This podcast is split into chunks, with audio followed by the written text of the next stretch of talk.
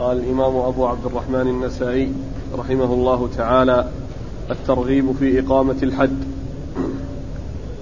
قال أخبرنا سويد بن نصر قال أخبرنا عبد الله عن عيسى بن يزيد قال حدثني جرير بن يزيد أنه سمع أبا زرعة بن عمرو بن جرير يحدث أنه سمع أبا هريرة رضي الله عنه يقول قال رسول الله صلى الله عليه وآله وسلم حد يعمل في الأرض خير لأهل الأرض من أن يمطروا ثلاثين صباحا. طيب اللي بعده. نعم. اللي بعده.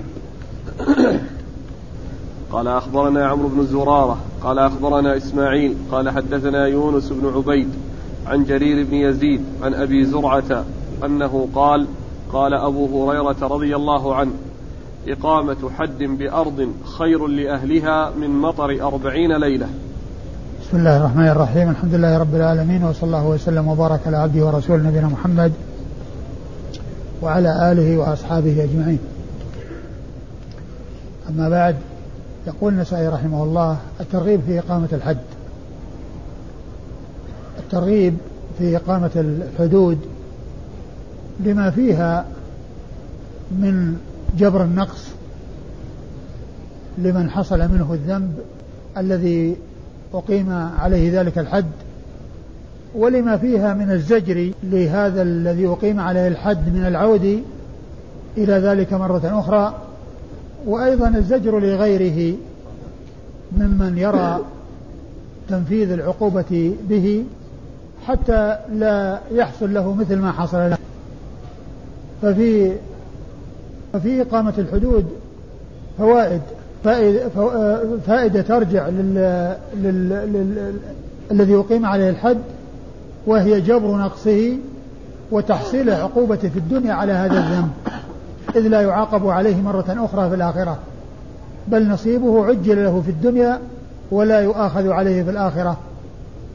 وأيضا فائدة ثانية ترجع له وهي الانزجار والارتداع من أن يعود حتى لا يحصل له مثل هذا الذي حصل.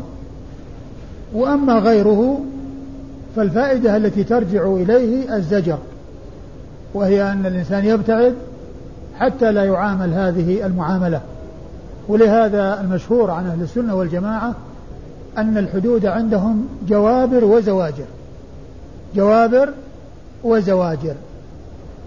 تجبر النقص وتزجر ال ال ال ال الذي يقيم عليه الحد من العود وتزجر غيره من أن يقع فيما وقع فيه ذلك الذي يقيم عليه الحد حتى لا يعاقب بهذه العقوبة. فهي جوابر زواجر في آن واحد. وليس كما يقول الخوارج أنها زواجر فقط وليست جوابر وقد ثبت بالسنة الصحيحة عن النبي صلى الله عليه وسلم في الحديث الحديث المتفق عليه من حديث عبادة بن الصامت الذي رواه البخاري ومسلم وقع في شيء من هذه الذنوب وأقيم عليه الحد كان كفارة له ومن ستره الله عز وجل فإن أمره إلى الله إن شاء عفى عنه وإن شاء عذبه. ودل على أن الحدود جوابر وفي نفس الوقت هي زواجر. ولهذا يعني إذا سئل هل الحدود جوابر أو زواجر الجواب الصحيح أنها جوابر وزواجر. لا يقال جوابر فقط ولا يقال زواجر فقط وإنما يقال هي جوابر زواجر في آن واحد الاثنين مع بعض. ما هو ما هو الجواب واحد من الاثنين؟ بل الجواب مجموع الاثنين. الجواب مجموع الاثنين اللذين اللذان هما الزجر الجبر والزجر. وقد أورد النسائي حديث أبي هريرة رضي الله عنه من طريقين الطريق الأولى مرفوعة إلى رسول الله عليه الصلاة والسلام وهي إقامة حد في الأرض خير من أن يمطروا ثلاثين عاما. والطريقة الثانية أو الرواية الثانية آه، إقامة حد في الأرض خير من أن يمطروا أربعين ليلة. الفرق بين الاثنتين أن الأولى فيها ثلاثين آه، ثلاثين يوما والثانية فيها آه، أربعين ليلة. أربعين ليلة. ورواية أربعين ليلة لها شواهد. وال وفي وفي إسناد الروايتين رجل ضعيف ولكن هذه الرواية التي هي الثانية وهي التي فيها ذكر الأربعين جاء لها شواهد عن يعني بعض الصحابة فهي لها ومن المعلوم أن مثل هذا له حكم الرفع لأن تقادير الثواب وتقادير الأجور وذكر يعني أعداد معينة وأرقام معينة وأنه أفضل من كذا بكذا هذا لا يقال عن إلا عن توقيف ولا وله حكم الرفع لأنه ليس مما ليس ليس مما للرأي فيه مجال. لأنه لا لا مجال للرأي فيه. كونه يقول أحسن من كذا وتقدير مقادير معينة هذا إنما يؤخذ عن الرسول الكريم صلى الله عليه وسلم فهو مرفوع حكما إلى النبي صلى الله عليه وسلم وليس تصريحا. قوله إقامة حد يعني في الأرض خير من أن يمطروا أربعين ليلة لما في إقامة الحد من الأمن والاطمئنان وكون الذي يذنب يؤاخذ. فيكون في ذلك ابتعاد عن الذنب الذي تأخذ الم... تحصل المؤاخذة عليه. وهو خير للناس يعني من أن يحصل لهم المطر هذه المدة. لأنه لأنه لو حصل لهم نعم وحصل لهم خيرات ولكن ما حصل هناك أمن ولا حصل هناك اطمئنان بسبب إقامة الحدود فإنه يحصل من النغص والتكدير وعدم الاطمئنان في المآكل والمشارب وعدم الاطمئنان على الأموال. وعلى الخيرات التي تحصل عن طريق المطر وعن غير وعن غير وعن غيره ففي آه، إقامة الحدود خير كثير للناس ومصالح عظيمة. وفي ذلك من الخير ما فيه الأمن وفيه الاطمئنان والراحة وهو خير لهم من هذه الشيء الذي يحبونه ويودونه ويستفيدون منه الذي هو المطر المتتابع الذي يحصل به نبات الزروع وحصول الثمار وما إلى ذلك. يعني يحصل لهم من الرزق ويحصل لهم من التوفيق ويحصل لهم من الخير بسبب إقامة الحدود الخير الكثير والشيء الكثير. أمن وكذلك يعطيهم الله عز وجل ما يعطيهم من الخير ويسوق لهم ما يسوق من الرزق لأن تقوى الله عز وجل يحصل بها جلب المصالح ودفع المضار. والله تعالى يقول ومن يتق الله يجعل له مخرجا ويرزقه من حيث لا يحتسب. ويقول من يتق الله يجعل له من أمره يسرا. ويقول من يتق الله يكفر عنه سيئاته ويعظم له أجرا. ويقول إن تتقوا الله يجعل لكم فرقانا. يقول اتقوا الله ويعلمكم الله. وغير ذلك من الآيات الدالة على أن تقوى الله عز وجل هي سبب خير كل خير دنيوي واخروي كل سبب كل خير في الدنيا والآخرة. وعلى هذا فالحديث يدل على ما ترجم له المصنف من الترغيب في إقامة الحد لما فيه من الخير ولما, ولما فيه من الأمن ولما فيه من الاطمئنان والارتياح للناس فيما يتعلق بأنفسهم وفيما يتعلق بأعراضهم وفيما يتعلق بأموالهم وغير ذلك. والإسناد؟ قال أخبرنا سويد بن نصر. سويد بن نصر المروزي ثقة أخرج حديثه الترمذي والنسائي. عن عبد الله. عن عبد الله وهو ابن المبارك المروزي ثقة أخرج له أصحاب كتب الستة. عن عيسى بن يزيد. عن عيسى ابن يزيد وهو مقبول أخرج حديثه النسائي بن ماجه؟ نعم. أخرج حديثه النسائي بن ماجه. عن جرير بن يزيد. عن جرير بن يزيد ابن جرير بن عبد الله البجلي وهو وهو ضعيف. أخرج حديثه النسائي وابن ماجه. عن أبي زرعة. عن أبي زرعة ابن عمرو آه، ابن جرير وهو ابن عم آه، جرير بن يزيد ابن جرير بن عبد الله ابن عمه وهو ثقة أخرج له أصحاب كتب الستة. عن أبي هريرة. عن أبي هريرة عبد الرحمن بن صخر الدوسي صاحب رسول الله صلى الله عليه وسلم وأحد السبعة المعروفين بكثرة الحديث عن النبي صلى الله عليه وسلم بل هو أكثر السبعة حديثا وهم أبو هريرة وابن عمر وابن عباس وأبو سعيد وأنس وجابر وأم المؤمنين عائشة ستة رجال وامرأة واحدة رضي الله عنهم وعن الصحابة أجمعين. وأما الإسناد الثاني قال أخبرنا عمرو بن زرارة. أخبرنا عمرو بن زرارة وهو ثقة أخرج حديثه البخاري ومسلم والنسائي. عن إسماعيل. عن إسماعيل وهو بن علية وهو ثقة أخرج له أصحاب كتب الستة. عن يونس بن عبيد. عن يونس بن عبيد وهو ثقة أخرج له أصحاب كتب الستة. عن جرير بن يزيد عن أبي زرعة عن أبي هريرة. وقد مر ذكرهم لكن كما قلت الذي آه، جاء بلفظ الأربعين ذكر الشيخ الألباني له شواهد ذكر له شواهد آه، آه، تدل على ما دل عليه. من ذكر الأربعين فيكون من قبيل الحسن أي الحسن لغيره. نعم. الأول ضعيف. والأول طبعا إسناده ضعيف.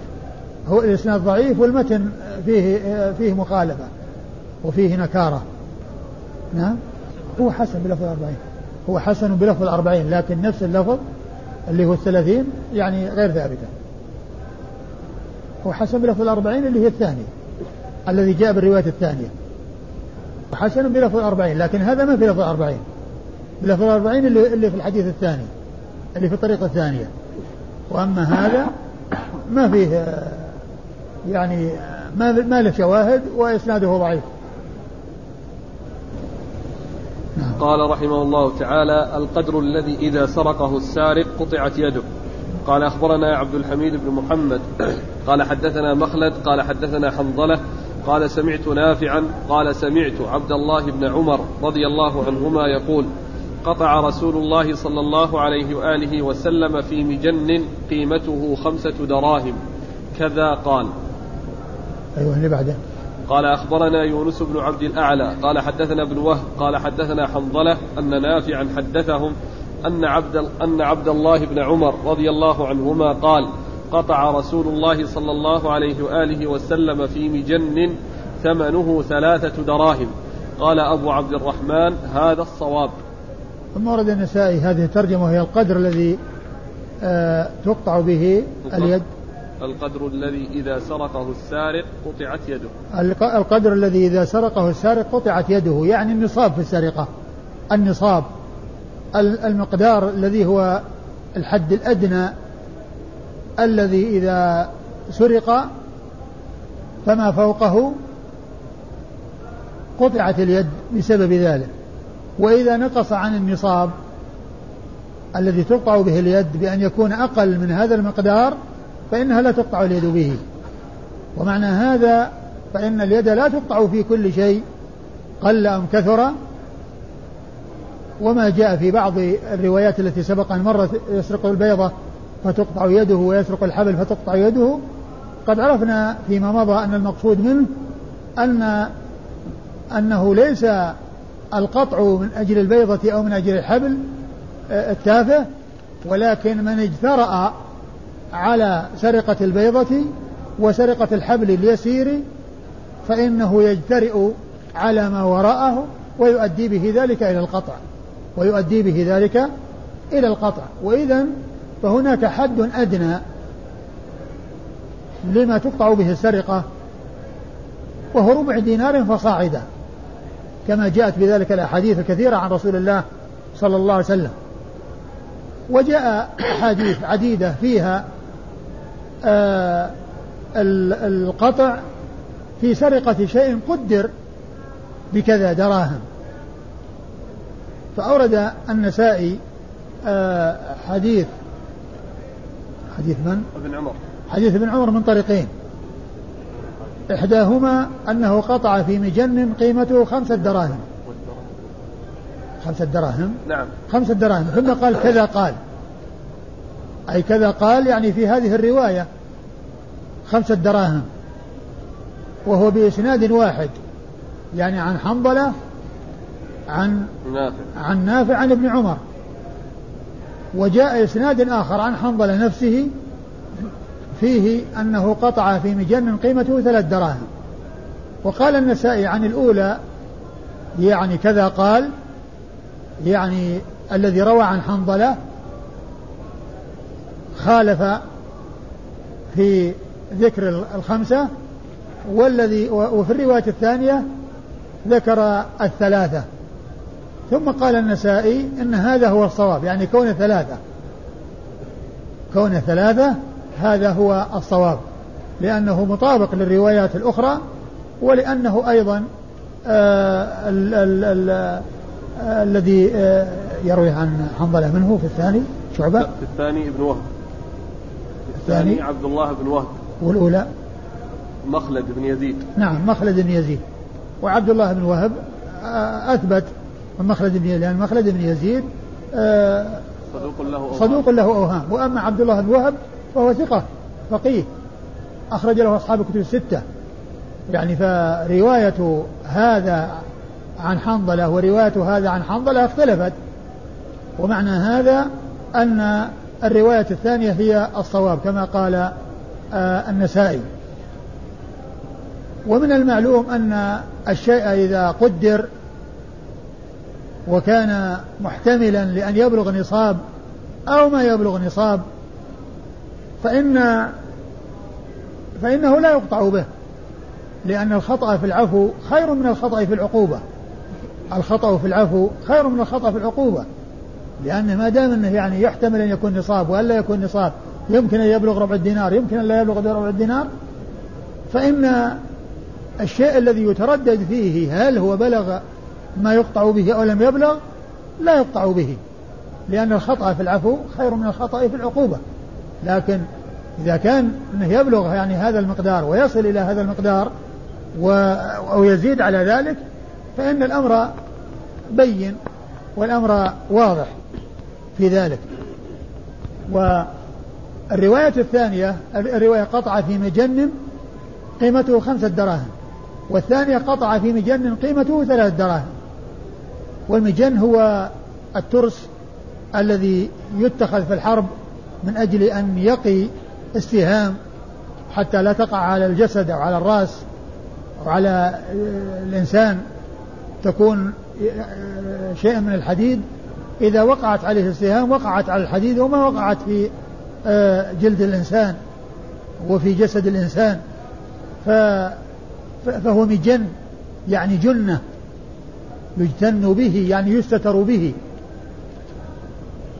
ولهذا قيل للجن جن لأنهم مستترون لأنهم مستترون عن الناس في اجتنانه والاستتار فكذلك المجن يعني آلة يستتر بها وتتخذ وقاية تتقى بها السهام والنبال التي تحصل من المقابلين المخالفين. أيوة والإسناد؟ قال أخبرنا عبد الحميد بن محمد. عبد الحميد بن محمد وهو صدوق ثقة. ثقة أخرج حديثه. النسائي. أخرج حديثه النسائي وحده. عن مخلد. عن مخلد بن يزيد وهو صدوق له أوهام. أخرج حديثه. أصحاب الكتب. أصحاب الكتب إلا الترمذي. أصحاب الكتب إلا الترمذي. عن حنظلة. عن حنظلة بن أبي سفيان الجمحي وهو ثقة أخرجه أصحاب كتب الستة. عن نافع. عن نافع مولى بن عمر وهو ثقة أخرج له أصحاب كتب الستة. عن ابن عمر عبد الله بن عمر بن الخطاب رضي الله تعالى عنهما الصحابي الجليل أحد العبادلة الأربعة من أصحاب النبي صلى الله عليه وسلم وهم عبد الله بن عمر وعبد الله بن عباس وعبد الله بن الزبير وعبد الله بن آه ابن عمرو العاص. وهو أحد السبعة المعروفين بكثرة الحديث عن النبي صلى الله عليه وسلم. نعم. الثاني. قال أخبرنا يونس بن عبد الأعلى. يونس بن عبد الأعلى الصدفي وهو المصري ثقة أخرج حديثه مسلم وأبو داود والنسائي بن ماجه. كيف؟ مسلم وأبو داود والنسائي بن ماجه. مسلم والنسائي وابن ماجه. مسلم والنسائي وابن ماجه. عن ابن وهب. عن ابن وهب عبد الله بن وهب المصري وهو ثقة فقيه أخرج له أصحاب كتب الستة. عن نافع عن عن, عن نافع عن, عن حنظلة عن نافع عن ابن عمر وقد مر ذكرهم. ما يقطع. ما يقطع لكنه يعزر. يعزر. إيه؟ قال أخبرنا قتيبة عن مالك عن نافع عن ابن عمر رضي الله عنهما أن رسول الله صلى الله عليه وآله وسلم قطع في مجن ثمنه ثلاثة دراهم. وهذه الرواية عن عبد الله بن عمر متفقة مع الرواية الثانية التي قال عنها النسائي إنها الصواب في رواية حنظلة عن نافع عن ابن عمر. يعني أورد من طريق آخر متفق مع هذه الرواية أو مع هذا الطريق. والإسناد قال أخبرنا قتيبة. قتيبة بن سعيد بن جميل بن طريف البغلاني ثقة أخرج له أصحاب كتب الستة. عن مالك. عن مالك بن أنس إمام دار الهجرة المحدث الفقيه الإمام مشهور أحد أصحاب المذاهب الأربعة المشهورة من مذاهب أهل السنة وحديثه أخرجه أصحاب كتب الستة. عن نافع عن ابن عمر. عن نافع عن ابن عمر وقد مر ذكرهما. وهذا من الرباعيات. هذا من الرباعيات من رباعيات النسائي قتيبة. نعم قتيبة, قتيبة مالك. نافع بن عمر أربعة. هذا أعلى أساني أعلى, أعلى إسناد أو من أعلى الأسانيد عند النسائي لأن أعلى ما عنده الرباعيات. يكون بين النسائي فيه وفيها يكون بين النسائي فيها أي الرباعيات وبين رسول الله صلى الله عليه وسلم أربعة أشخاص. قال أخبرنا يوسف بن سعيد. قال حدثنا حجاج عن ابن جريج قال حدثني إسماعيل بن أمية أن نافعا حدثه أن عبد الله بن عمر رضي الله عنهما حدثه أن النبي صلى الله عليه وآله وسلم قطع يد سارق سرق ترسا من صفة النساء ثمنه ثلاثة دراهم.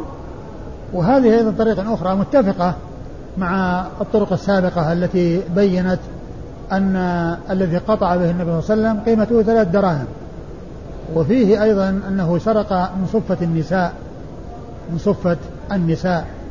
ولعل المراد بصفة النساء يعني المكان المخصص للنساء يعني في المسجد يعني الذين ليس لهم سكن وليس لهم يعني آه، أموال وكانوا يعني يجلسون في المسجد فيكون يعني النساء يعني في آه، مكان والرجال في مكان. نعم. قال أخبرنا يوسف بن سعيد يوسف بن سعيد المصيصي وهو ثقة نعم أخرجه النسائي ثقة أخرج حديث النسائي وحده عن حجاج بن محمد المصيصي وهو ثقة أخرجه أصحاب كتب الستة عن ابن جريج عن ابن جريج عبد الملك بن عبد العزيز بن جريج المكي ثقة فقيه يرسل ويدلس وحديث أخرجه أصحاب كتب الستة. عن إسماعيل بن أمية. عن إسماعيل بن أمية وهو ثقة أخرجه أصحاب كتب الستة. عن نافع عن عبد عن نافع عن ابن عمر وقد مر ذكرهما. قال أخبرنا محمد بن إسماعيل بن إبراهيم قال حدثنا أبو نعيم عن سفيان عن أيوب وإسماعيل بن أمية وعبد الله وعبيد الله. وعبيد الله وموسى بن عقبة عن نافع عن ابن عمر رضي الله عنهما أن النبي صلى الله عليه وآله وسلم قطع في مجن قيمته ثلاثة دراهم. ثم ورد النسائي حديث ابن عمر من, من, من طريق أخرى وهو مثل ما تقدم فيه بيان أن المجن الذي قطع فيه النبي صلى الله عليه وسلم قيمته ثلاثة دراهم. أيوه والإسناد. قال أخبرنا محمد بن إسماعيل بن محمد إبراهيم. بن إسماعيل بن إبراهيم المشهور أبوه بن علية وهو ثقة أخرج حديثه النسائي وحده. عن أبي, عن أبي نعيم. عن أبي نعيم الفضل بن دكين. الفضل بن دكين الكوفي وهو ثقة أخرج له أصحاب الكتب الستة.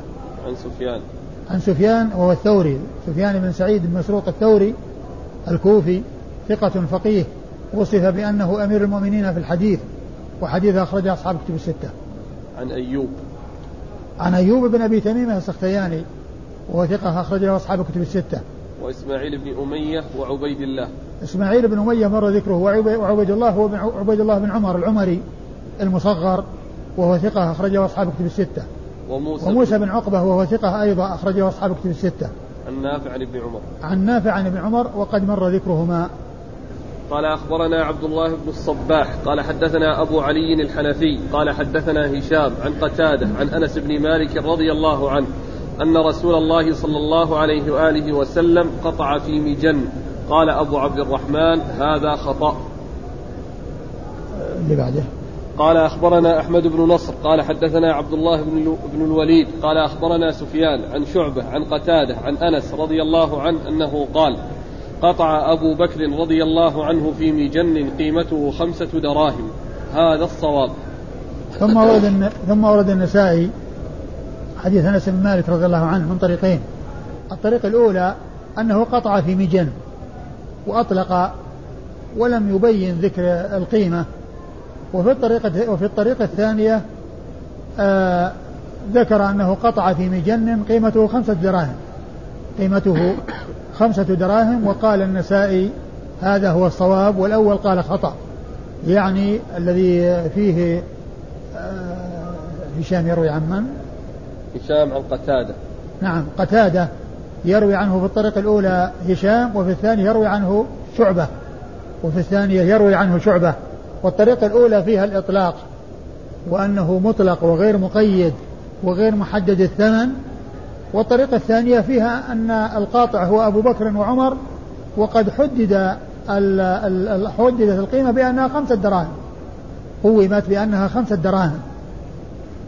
يعني فالطريقة الأولى مضافة للرسول صلى الله عليه وسلم وهي مطلقة وليست مقيدة بقيمة. والطريقة الثانية وهي من نفس الطريق آه، التي هي الرواية عن قتادة كلها عن قتادة الطريقة الثانية فيها تقييد بأنها خمسة دراهم والطريقة الأولى مطلقة. قال النسائي هذا خطأ وقال في الثانية إن هذا هو الصواب لأن شعبة آه، في رواية آه، شعبة أثبت من هشام الدستوائي و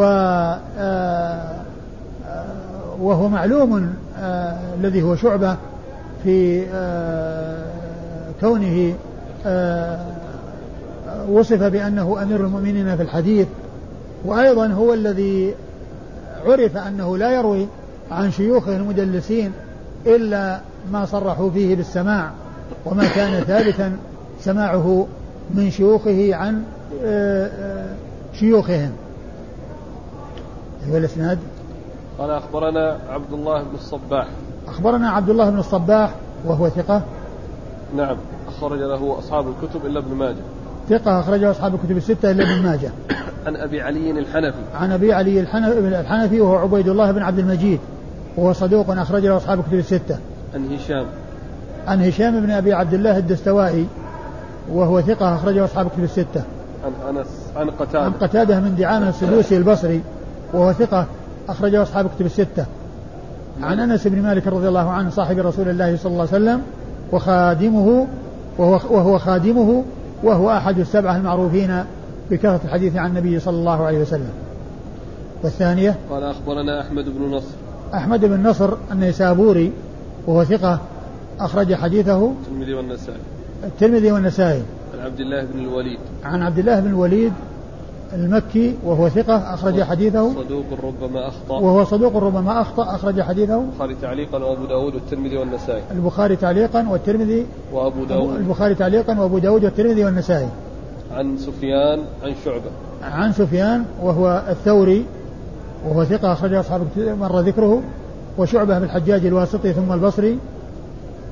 وهو عن نعم. عن قتادة. عن شعبة بن الحجاج الواسطي ثم البصري. وهو ثقة أخرجه أصحاب الكتب الستة عن قتادة عن أنس وقد مر ذكرهما. قال أخبرنا محمد بن المثنى عن أبي داود قال حدثنا شعبة عن قتادة أنه قال سمعت أنسا رضي الله عنه يقول سرق رجل مجنا على عهد أبي بكر فقومه خمسة دراهم فقطع.